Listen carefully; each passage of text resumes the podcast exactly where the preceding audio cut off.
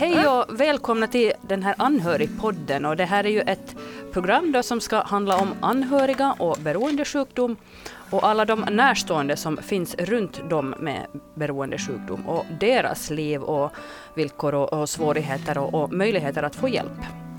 Och det här det ska alltså bli en tredelad serie och till min hjälp så har jag lite olika personer här. Till att börja med så har jag dig, Helena Mahoviak. Yes. Du är familjeterapeut och så har du också erfarenhet som anhörig till en beroendesjuk. Eh, egentligen var det här ju din idé, den här mm. programserien och podden. Berätta lite. Eh, ja, eh, eftersom jag själv då i maj 2014 förstod att jag eh, lever med en beroendesjuk person, alltså att min man drack var alkoholist. Ehm, men också det här att jag är familjerådgivare på Folkhälsans familjerådgivning och möter ganska många människor som har problem i sina relationer och så kanske det visar sig att det är ett beroende i botten. Ehm, så tycker jag att det här ämnet är viktigt att tala om. Men kanske mitt engagemang kommer nog främst ifrån eh, min egen erfarenhet mm. förstås. Och när jag säger så här att jag jag förstod att jag var, eh, levde med en beroendesjuk person då i maj 2014 så är det ju inte riktigt sanningen. Eh, eftersom jag hade verkligen ingen kunskap om beroenden överhuvudtaget. Alltså jag var verkligen, alltså ingen erfarenhet och ingen kunskap. Så att jag levde med en person med ett beroende, det förstod jag, eller beroendesjukdom, det förstod jag långt senare. Mm. Och det här med, med kunskap om beroende, det är en av de viktigaste sakerna för anhöriga. Alltså att man tar reda på vad det verkligen är för någonting. Ehm, både vad det gäller det beroendesjuka och vad, hur den personen man har där hemma liksom förändras i den här sjukdomen. Men också det att du som anhörig alltid lägger till dig med olika sorters beteenden för att du anpassar dig till det här beroendet. Mm. Och att liksom inse de sakerna. Och det var verkligen så där att det kändes som att det, det liksom flyttade in ett beroende hemma hos mig som liksom tog över vårt hem. Och jag kände mig så fruktansvärt ensam i det här. Eh, jag hade familj, vänner, massor med bekanta och ändå kände jag mig så ensam eh, i detta. Och då kanske jag önskar att någon annan skulle ha haft ett sånt här radioprogram. Mm. Så att jag kunde på något sätt ha orienterat mig i det här. Mm. Det, det, var kanske det som är liksom själva orsaken till att jag tänkte att nej men nu behöver vi tala om det här ämnet. Och, och vad är det du liksom vill att den här podden ska få, få lyssnarna att förstå? Det? det finns så egentligen så finns det så många olika saker, men, men också det att det, det, finns faktiskt vägar ut. Det är inte hopplöst. Eh, det går att förändra. Sen så har vi också med i det här programmet också eh, i det här avsnittet Hanna Lundberg och Kristoffer Eklund från beroendemottagningen i Mariehamn. Välkomna ni också. Tack, tack. Tack, tack. Eh, jag tänkte att jag skulle börja här efter den här introduktionen så tänkte jag att jag skulle vända mig till er Hanna och Kristoffer och, och fråga er lite så här mera faktabaserade frågor utgående från ert jobb eh, och, och det ni möter varje dag. Hur, hur många klienter som är anhöriga så har ni per år på ett ungefär? Eh, ja, jag tittar på de här siffrorna och tittar då ungefär fem år tillbaka. För min subjektiva bedömning var först att det har ökat, men när jag tittar tillbaka så såg jag att det är ungefär 10 procent av våra klienter som är anhöriga. Så en ganska liten del egentligen. Mm. Men, men du sa att, att du hade en uppfattning om att, att det hade ökat, men stämde inte alltså det? Nej, det, det visade sig att det inte stämde. Okej. Okay. uh, hur ser fördelningen ut när det gäller anhöriga klienter då, med, mellan könen? Ja, där kan vi se att det, det är nog så att 90 procent av, av de anhöriga som kommer så, så är kvinnor. Ungefär 10 procent då män. Skulle det vara önskvärt att det skulle ändra det, det förhållandet där? Ja, så det tycker jag. För jag menar om man ser på resten av våra klienter så där är det ju mer en 50-50 uppdelning män och kvinnor. Så att eh, vi vet ju att de finns, eh, männen som är anhöriga. Så absolut önskar man ju att det skulle vara fler män som sökte hjälp. Mm. Eh, vad tror ni att det beror på att, att så många män då, för det finns ju rimligtvis eh, män som är anhöriga också, att de så ofta inte söker hjälp? Ja, det är väl svårt att säga någonting med säkerhet förstås. Man kan väl spekulera i de här siffrorna, men, men en sak som jag diskuterar, det är väl, det kan ju vara så att, att eh, man söker sig till andra instanser. Det kan väl vara symptomen liksom, som anhöriga också kan uppleva. Så det kan vara allt från stress och sånt här. Man, kanske vänder man sig till företagshälsovård eller till sjukvård överlag. Liksom för, för andra, andra saker än just anhörigbiten. Exakt, för som anhörig så brukar man ju säga att man lever som i ständig beredskap och där finns det ju att man, risken att man utvecklar olika symptom på utbrändhet helt enkelt. Och jag tror att man kanske, kanske man söker hjälp för de symptomen. Mm. Fast det är ju bara spekulationer, vi vet ju inte. Nej. Händer det också att, att eh, barn och unga söker hjälp hos er, eller går det andra vägar i så fall? Alltså just anhöriga. Nej, jag kan inte säga att vi har barn och unga som kommer som anhöriga. Nej, de, kommer, de går nog andra vägar i så fall. Men vad, vad finns att säga om, om mörkertalet här då? Är det, är det, har ni uppfattningen att det är många som, som lider i tysthet utan att, att riktigt söka hjälp? Men det måste man väl nästan, alltså det, det tror jag väl nog att man kan räkna med att det finns en hel del. Det, det kommer man nog inte ifrån. Men sen är det ju som vi sa, att det, det kan ju också vara så att man väljer andra instanser att söka sig till. Det, det kan vi ju inte veta förstås. Men om man nu räknar med att det finns ungefär fem personer runt omkring varje individ med, med någon sorts problembruk själv så, så är det ju väldigt många som, som saknas, i alla fall i våra siffror. Mm. Jag kan tänka mig att också många kanske söker hjälp, men att man, eller söker hjälp via sina vänner och så, men, men att man kanske inte söker professionell hjälp. Vad, vad är liksom skillnaden där?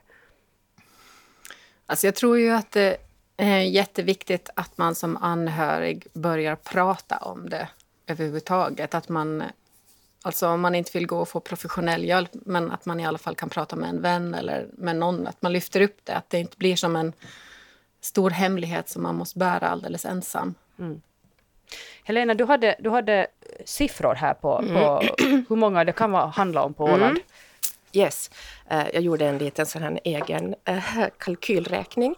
Eh, Man säger att ungefär 4 procent av en vuxen befolkning skulle ha då beroendesjukdomen. Och om vi tänker att det finns 24 000 vuxna ålänningar så är det 960 personer på Åland som har denna sjukdom. Eh, Och då tänkte jag också så här, det var Kristoffer och Hanna som sa att det finns ungefär fem personer runt varje beroendesjukdom. Eh, Då skulle vi hamna i att 15 procent av ålänningarna är anhöriga till en beroendesjuk person. Så 15 procent av, av alla ålänningar. Ja, ja, då räknade jag med eh, också barn och så här. Det är en ganska anmärkningsvärd siffra, eller hur reagerar ni på det, Hanna och Kristoffer? Ja, det är ju många. Men man får ju komma ihåg att alla, alla som har ett risk eller missbruk eller beroende så söker ju inte hjälp.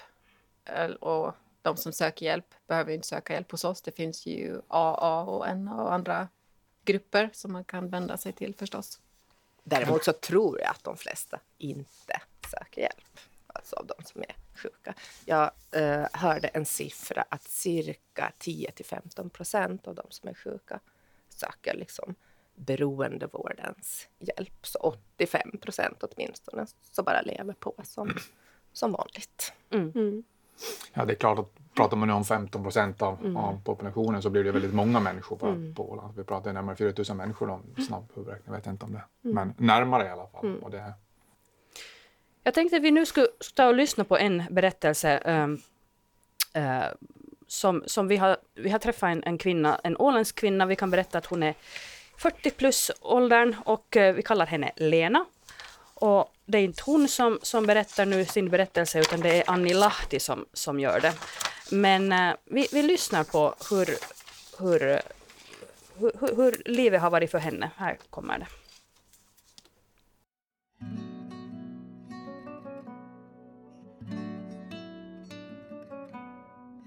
Jag trodde väl aldrig att jag skulle hamna där. Inte den typen. Tycker jag har god människokännedom och att jag i tid skulle märka om något hamnar snett. Tar inga snabba beslut utan i regel väl genomtänkta och grundade. Men det på något sätt smög sig på. Och sen var man där i något gigantiskt och oöverstigligt. Varje morgon då det var som värst så vaknade jag från ett behagligt lugn till att sköljas över av en motbjudande våg av verkligheten. ja, just ja. Det här var ju min vardag. Så här i efterhand kan jag ju säga att tecknen fanns där redan från början. Men man ville inte ta till sig dem. Han var ju så trevlig och omtänksam. Små bagatellartade problem som uppstod och han valde att kalasa vidare. Själv var jag också i kalassvängen så det kändes inte så farligt. Något löfte som bröts eller prioritering som ändrades. Efterhand då barnen kom så tror jag att det lugnade sig lite. Lite började jag irritera mig på att han alltid hängde i garaget på kvällarna och mecka och glömde tiden vid nattning. Samtidigt så var jag glad att han hade en hobby då hans kompiskrets var ganska begränsad. Så småningom började jag tycka att han kunde inte gå runt och dricka framför barnen. Och då var det fortfarande i liten skala. Vilket resulterade i att han började smygdricka. Jag började inse att det var ett problem då han alltid måste gå ut med soporna på kvällen. De kvällar han inte mecka. Trots att soppåsen just var tömd. Eller att han prompt måste åka och handla mjölk trots att vi gott och väl klarar dagen. Jag tyckte också att det var konstigt att han måste gå upp och kissa varje natt vilket väckte mig alla nätter under många års tid. Vi diskuterade såklart detta fenomen, om än motvilligt från hans sida. Och det kändes bättre tillfälligt, oftast bara en dag. Jag började hitta ölburkar på de mest konstiga ställen. Fulla, uppdruckna eller urdruckna. Tror att det fanns någon plats i huset som jag inte hittade burkar på. Hittade även en mugg med vin bakom kläderna i klädskåpet. Än så länge fungerar jobbet fint för honom, konstigt nog. Även om det blir lite kämpigare. Helger och semestrar var såklart värst. Jag minns att han köpte en öllåda på en fredag, vilken var slut på söndagen. Och att det inte varit något kalas, utan bara en helt vanlig hemmahelg. Han började också irritera sig lite på sonen som ville vara med i garaget och bad honom hämta saker eller göra ärenden så att han fick vara ensam en stund. En annan sak jag förstått i efterhand är att de saker vi kommit överens om, då han troligtvis var påverkad, och inte efterföljts är att han helt enkelt inte minns att vi kommit överens om något. Jag trodde och, och, och tror fortfarande att han hade en depression i grunden. Idag tänker jag att det handlar om självmedicinering av just detta. Han handlade också väldigt irrationellt emellanåt, blev stressad över bagateller och, och vissa saker fick enorma proportioner. Jag anade inte då att han var abstinent, utan har förstått det i efterhand. Allt eftersom det eskalerar så börjar han förändras från att vara morgonpigg till att bli trött hela dagen. På semestrar och helger börjar han dricka på förmiddagen och håller sig för sig själv och ibland knappt stiger ur sängen. Då jag börjar ställa krav så blir det bara värre och värre. Han tycker synd om sig själv och dricker mer. Konstigt var att vår uppgjorda budget alltid sprack. Pengarna räckte aldrig till. Jag kontrollerade då våra kontoutdrag och upptäckte att det dagligen fanns 20-30 euro inköp från olika matvarubutiker och bensinstationer. Aldrig från samma flera dagar i rad. Från hans kort. Han hade också skaffat en alkomätare, vilket jag å ena sidan tyckte var märkligt, men å andra sidan okej. Okay. Då jag ställer högre krav och slutar med att släppa in honom hemma när han är påverkad, vilket eh, kunde bevisas med hjälp av alkomätaren, så barkar det ganska snart rejält. Det har nu gått flera år. Trots regelbundna besök på beroendemottagningen, besök till AA i en kort nykterperiod, avgiftning och antabus, så väger alkoholen tyngre. Det är som om han gör allt detta för alla andras skull, utan att egentligen vilja det själv. Han säger att han har ju gjort allt vad mera krävs. Jag minns ett tillfälle då han direkt från beroendemottagningen for till en bar och började dricka. Jag minns också att han var märkligt nog nykter två veckor i sträck, men det var en period av lycka. Precis innan jobbets hälsokontroll, där man mäter levervärden. Antar att det är ungefär så länge det tar för levern att göra sig av med alla spår av alkoholmissbruk. Då när han inte fick komma hem utan bodde någon annanstans kände man en irritation då han hörde av sig. Men hörde han inte av sig då blev man orolig för vad som kunde ha hänt. Så är det till viss del även idag. Han är ju trots allt far till mina barn. Det hände många olyckor och han hotade med att ta livet av sig emellanåt. Några dåliga minnen är till exempel barnens kalas då han är synbart berusad och överdrivet trevlig. Då barnen ringer från färjan och säger att pappa är full och låser in sig på toa med sin väska och dricker och att de inte vill åka bussen hem med honom. Vi ska äta middag och barnen har kompis hos oss. Han dyker inte upp och jag hittar honom avdomnad i duschen med vattnet på. Barnen ska simma och bada och vill använda bastuutrymmet men hittar honom sovande naken på en soffa. Ena barnet ringer hem från en utlandsresa och ber mig komma och hämta honom därför att pappa är full, låser in sig på toa och dricker. När han äter med händerna vid matbordet eller ligger och sover hela julaftonsmiddagen. Och många till.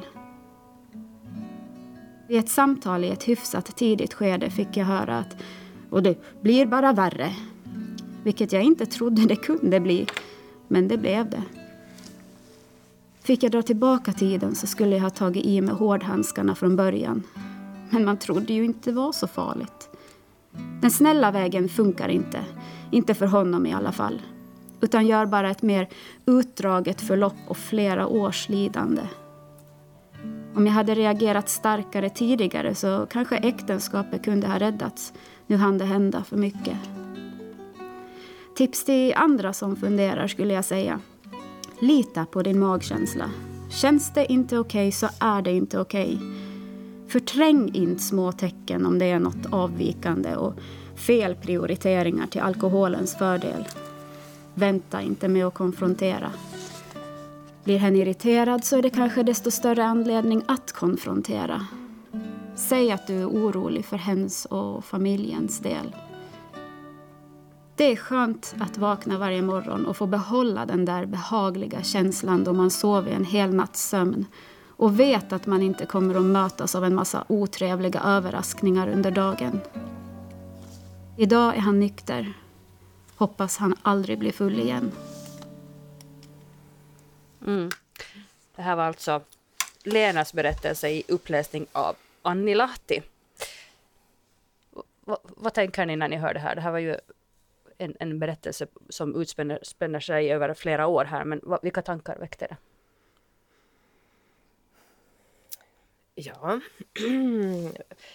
jag, jag tänker så här att det är så himla viktigt det som hon säger där att varför tog jag inte i med hårdhandskarna för länge, länge, länge sedan? För att jag tror att det är väldigt vanligt att det går år av lidande och eh, eh, ja, snällhet eller vad man ska säga. Eh, och ja, jag, jag, tänker att det, ja, det här är en berättelse som är tagen från verkligheten. Så här ser det ut. Mm. Jag tänker just det här med upptäckten och insikten att man är medberoende och att den så här liksom växer fram med tiden. Uh, hur, hur lätt är det då att ta i med hårdhandskarna? Jag tänker att det kanske är nästan omöjligt. För det första, alltså jag tror att steg ett, det är ju att erkänna att man har problem och just liksom verkligen eh, ta in den här kunskapen som finns. Och det är klart att det är svårt att ta i med hårdhandskarna. Hur gör man då? Mm. Eh, och om man liksom börjar med, med små steg och, och ställer krav så till sist så måste man ju göra någonting åt det att den här personen förmodligen inte eh, gör det som den har sagt att den ska. Vad säger ni, Hanna och Kristoffer? då? Jag tänkte börja med att återkoppla lite till det Helena sa i början där med den där med, med eh, rädda äktenskapet. Jag tänker det kan väl också vara viktigt där att stanna till och, och fundera lite att vems ansvar och på vems axlar ska det bara ligga? Det är liksom självklart att det är den anhöriga som ska ha måste rädda det där äktenskapet. Hon beskriver där att skulle hon liksom tidigare ha gjort någonting skulle hon ha kunnat rädda men ett äktenskap är det ju minst två personer i alla fall. Det måste man ju komma ihåg också. att det, har hon ensam liksom helt kontrollen över det här? Det, det är ju mm. en fråga som man kanske inte får glömma bort heller där. Och jag tänker ta i med hårdhandskarna för att få, och det är väl kanske där också viktigt att hårdhandskarna, det är väl med syfte av att den närstående ska inse sitt problem. För det är väl fortfarande så att hårdhandskarna i vilken utsträckning som helst, det, kanske inte alltid det, det bara räcker helt enkelt. Mm. Jag, tänk, jag tänker på det här som hon sa, att det, liksom, eh, att det smyger sig på. För om man tänker sig att man, man önskar att man skulle ha tagit i med hårdhandskarna tidigare. Ett beroende så kommer ju inte över en natt, utan det är ju en sån här...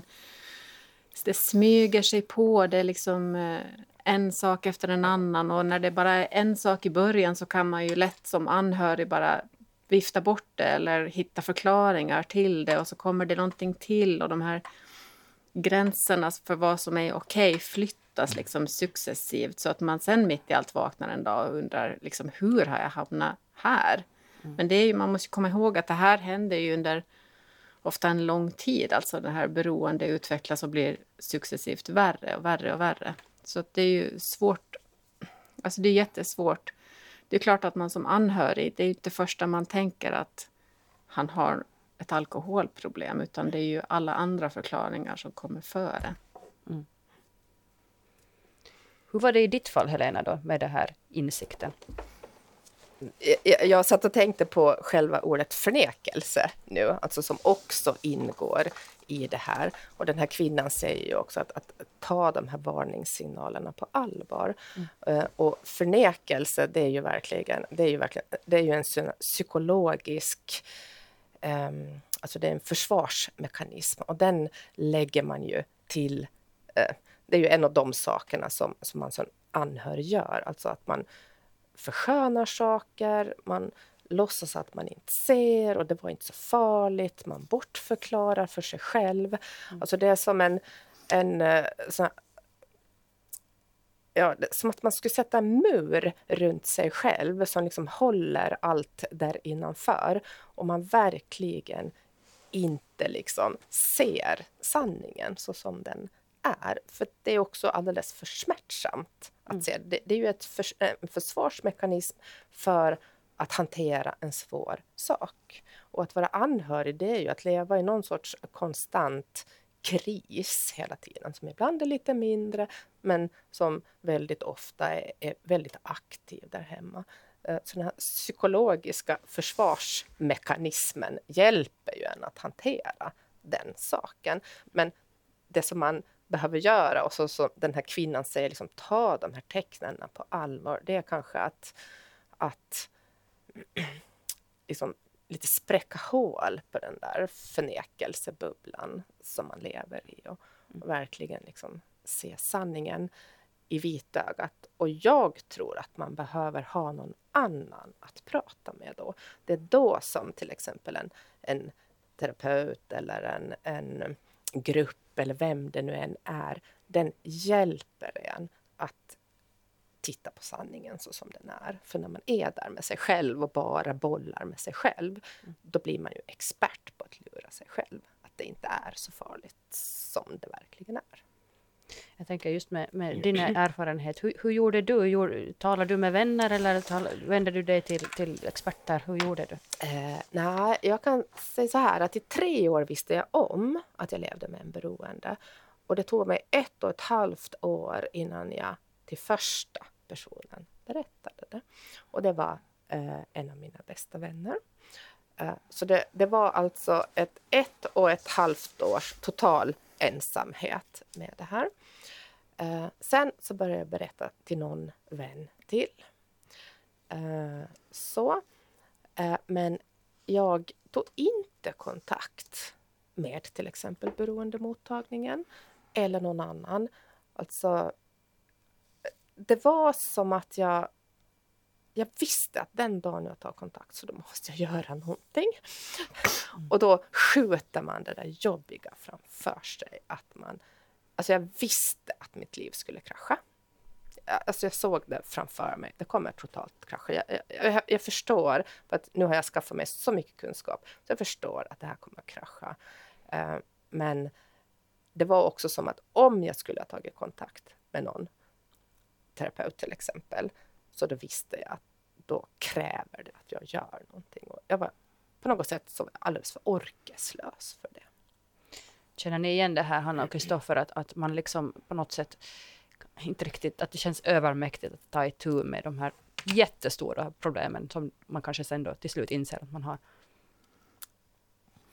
Det tror jag absolut. Det är väl en mm. process det där någonstans. Jag menar, lite som Helena är inne på, det första är väl någonstans att och, och kanske lyfta upp det, alltså faktiskt definiera det här problemet.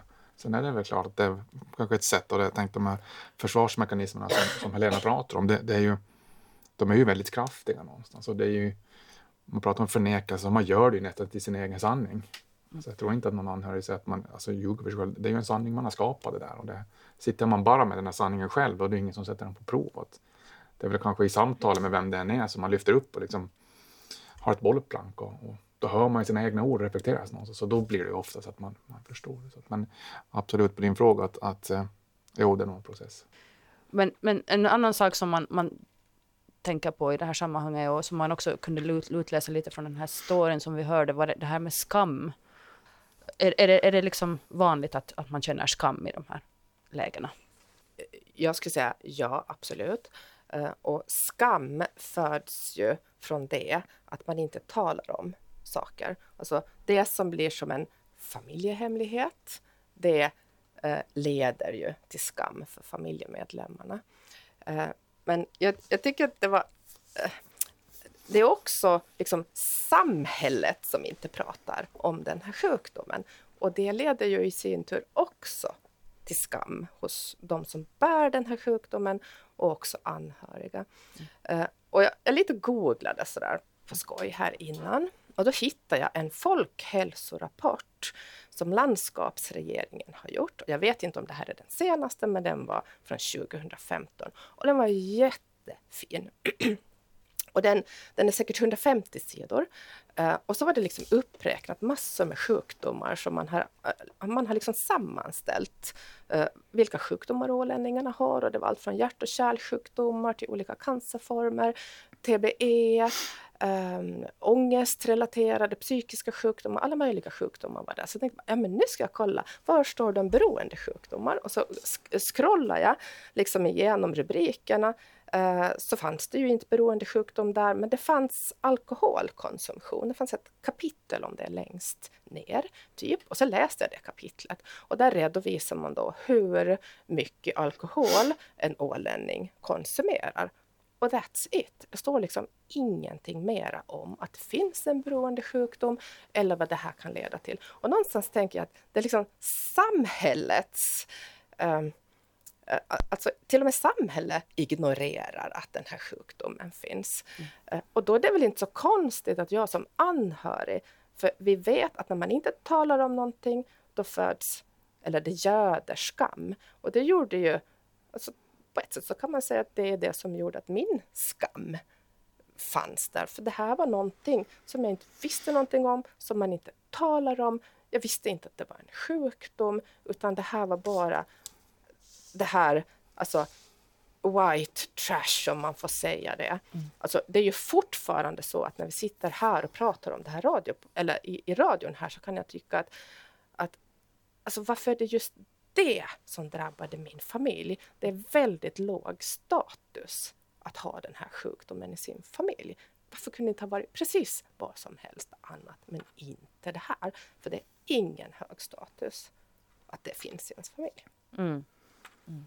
Nej, jag håller ju med om mm. det där med Helena, mm. med Helena, just att man inte pratar om det. Så då mm. som anhörig speciellt så känner man ju sig väldigt, väldigt ensam. Alltså det här, jag menar alkoholproblem, man vet ju att de finns, men eftersom man aldrig diskuterar det i samhället och så blir det ju på något sätt någonting som bryter mot normen eller mm. någonting som det inte, det är inte så det ska vara. Mm. Och då föds ju skammen. upplever ni att era klienter som, som, som kommer till er, att det är just skam är en stor, stor grej för dem? Det ska jag säga att det är. Alltså, både för anhöriga men också för de som söker för sitt eget bruk ja. så är ju alltså, skam och skuld två väldigt viktiga liksom, variabler att diskutera. Det, ingår ju väldigt mycket i diskussionen. Det, där. det är klart det påverkar oss i vårt vardagliga liv i allra högsta grad. Så att det, jag menar, förnekelse, det, det jag menar, frågan är var kommer förnekelsen ifrån? Ofta finns ju skammen med där som en väldigt stark motor i de här frågorna. Så att det... Mm. Uh, och hur, hur, påverkar det då att, att, att vi bor på Åland som är ju ett jättelitet samhälle? Uh, ja, jag tänker, är det, är det extra, är man extra utsatt och extra skamfylld här, tror ni? Alltså det är ju ett, klart, i ett litet samhälle så är man ju alltid rädd för vad folk ska säga, att folk pratar och att det blir uh, synligt. Alltså det är ju många klienter som, jag menar, de vill inte att någon ska se att man kommer till beroendemottagningen. Man vill inte att någon ska veta att man söker hjälp. Mm. Och jag tänker också på de här två kvinnorna som vi har träffat. Eh, de vill ju inte liksom gå ut med sitt namn och, och berätta vem de är. Det är ju, det är ju skam för dem att, att berätta att det här finns i vår familj. Det här är ju helt vanliga familjer det också. Eh, de ja. som vi har träffat. Och egentligen ville vi ju att de inte skulle vara anonyma. Mm. Men mm. De, de valde det. De valde det. De klar, liksom, vill inte berätta att den här sjukdomen finns i deras familj. Ja. För, att man, ja, för att det inte är. Det är väldigt låg status på det. Mm. Mm. Eh, vi har varit inne på det redan, men, men mm, en sån här fråga, när borde man söka hjälp som, som anhörig? När, när är det liksom dags? Jag tycker så här att den dagen du sätter dig vid datorn och googlar eh, på beroende eller alkohol, när är det ett riskdrickande, hur mycket kan man dricka innan det är ett problem?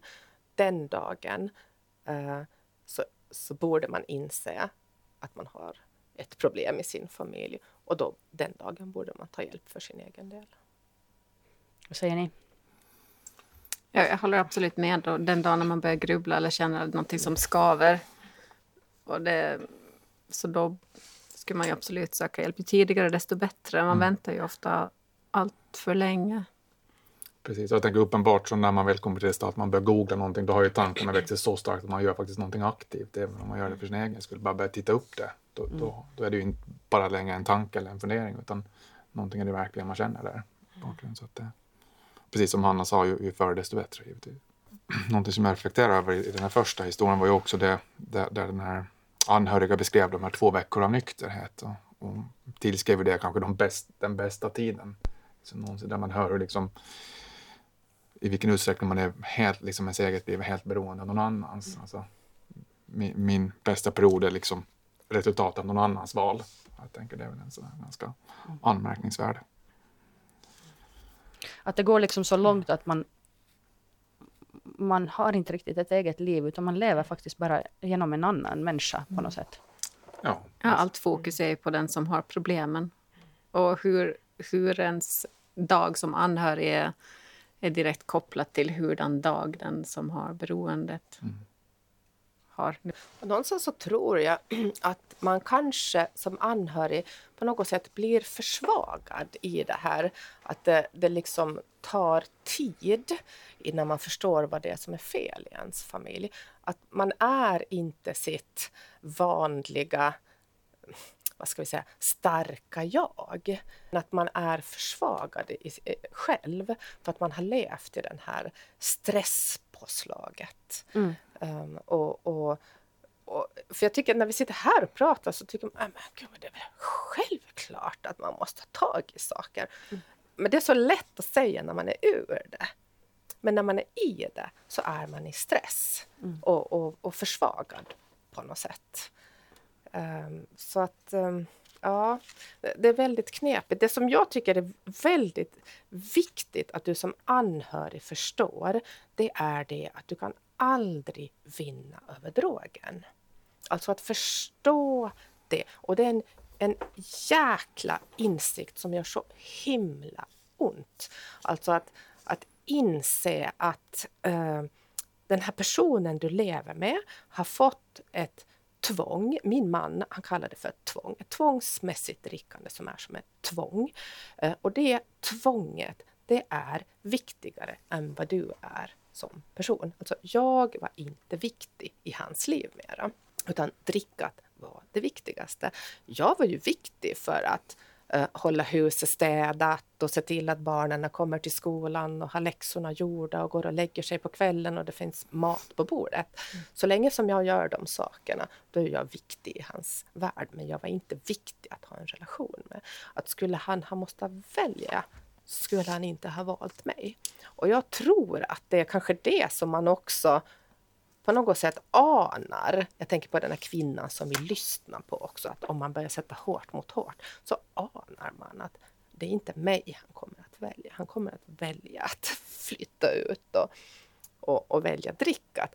Och det är väl i och för sig ganska bra om det skulle ha blivit så, för hur ska man annars få slut på det? Men det, det är väldigt grymt Uh, alltså det, det, är en, det är en grym insikt och det är en enorm sorg att se att den person du har valt att leva med liksom insjuknar i någonting som förstör den personen. För det är ju så det blir. Så, så var det med min man. Han blir förstörd som person. Hans hjärna funkar ju inte mer. Sjukdomen funkar så att hjärnan inte eh, fungerar som vanligt. Eh, och jag träffade en kvinna i en bastu faktiskt. Eh, en, en främmande kvinna, hon var lika gammal som jag och hon hade förlorat sin man i Alzheimers och han var då på ett boende. Och jag satt där i bastun och tänkte men vi har ju exakt samma upplevelse. Alltså, jag har förlorat min man till en sjukdom. Men det är ju ingen som, som tycker, eller ja, man får inte blommor för det, utan den som har en Alzheimers sjuk man, den tycker folk har ett, det är tragiskt och det är hemskt och det är jätte så här. Mm. Men med beroende så, ja, man får skylla sig själv lite. Lite det här skylla ja. sig själv ja. finns fortfarande kvar. Vad, vad, säger ni om det? Ja, absolut finns det det där att man ska ta sig i kragen och det är ju bara att låta bli.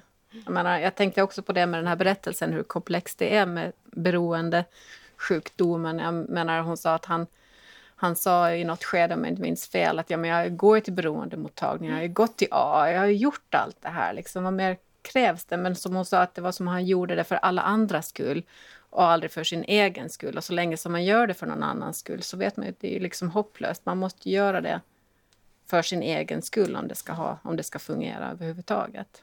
Mm. Och även när man gör det för sin egen skull så är det ju väldigt liksom komplext och svårt. Och det är ju ingen mm. karaktärsdefekt som man bara liksom väljer att bryta. Utan det är ju nog ett, mm. en process.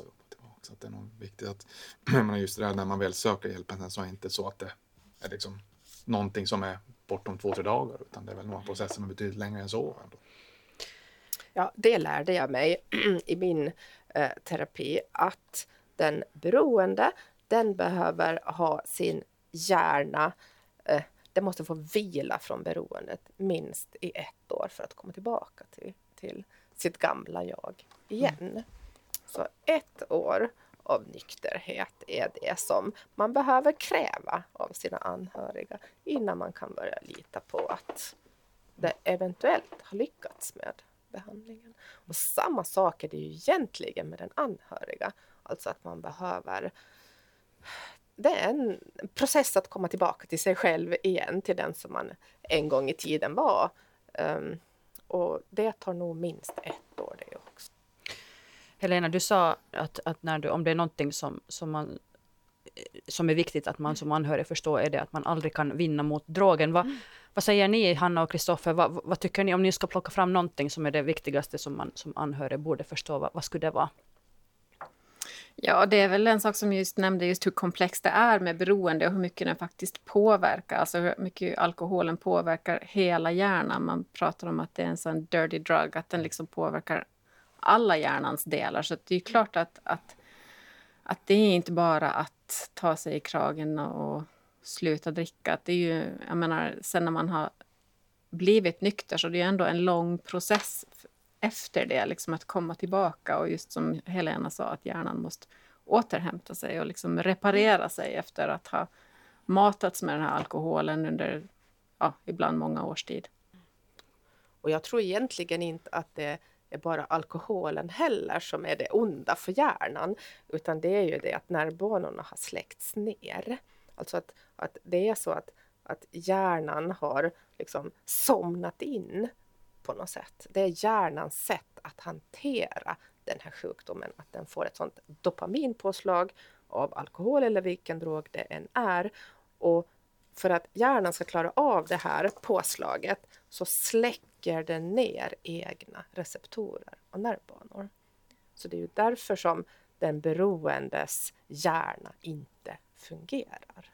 Ja, hjärnan måste ju skapa den där balansen, för mm. hjärnan vill ju alltid ha en balans. Så det är klart att den måste ju på något sätt hantera det där enorma dopaminpåslaget mm. som alkoholen ger. Och innan man får liksom det tillbaka till mm. hur det ska vara, så det tar ju tid. Jag, jag, tänkte på en sak, just det här med dold folksjukdom som vi tidigare ja. pratade om och som ni, jag kommer inte ihåg om det var Hanna eller Kristoffer sa i början att, att uh, anhöriga ju, uh, ofta kanske blir ut, kan bli utbrända. Jag tänker att det är verkligen också som en folksjukdom det här att vara anhörig till ett beroende. Vi vet då att ungefär 15 procent av den åländska befolkningen är det och vi vet att väldigt, väldigt många blir sjukskrivna, eh, utbrända eller vad man nu kallar det för eh, och inte arbetsföra. Så det är ju en enorm kostnad för samhället. Mm. Att inte liksom hantera de här sakerna. Att inte prata och att inte... Ja. Mm. Och jag vet ju att alla de som vi har träffat och jag själv också hade um, sjukskrivningar, alltså när man inte är, är arbetsför. Alltså det, det, det mm. kostar pengar för samhället det här. Precis, och jag kan nämna att, att, nästa avsnitt sen så kommer vi att träffa äh, läkaren Niklas Präger och prata om de anhörigas situation eh, med, med honom. Eh, men tack att ni kom, det var jätteintressant att prata med er. Tack. tack. tack.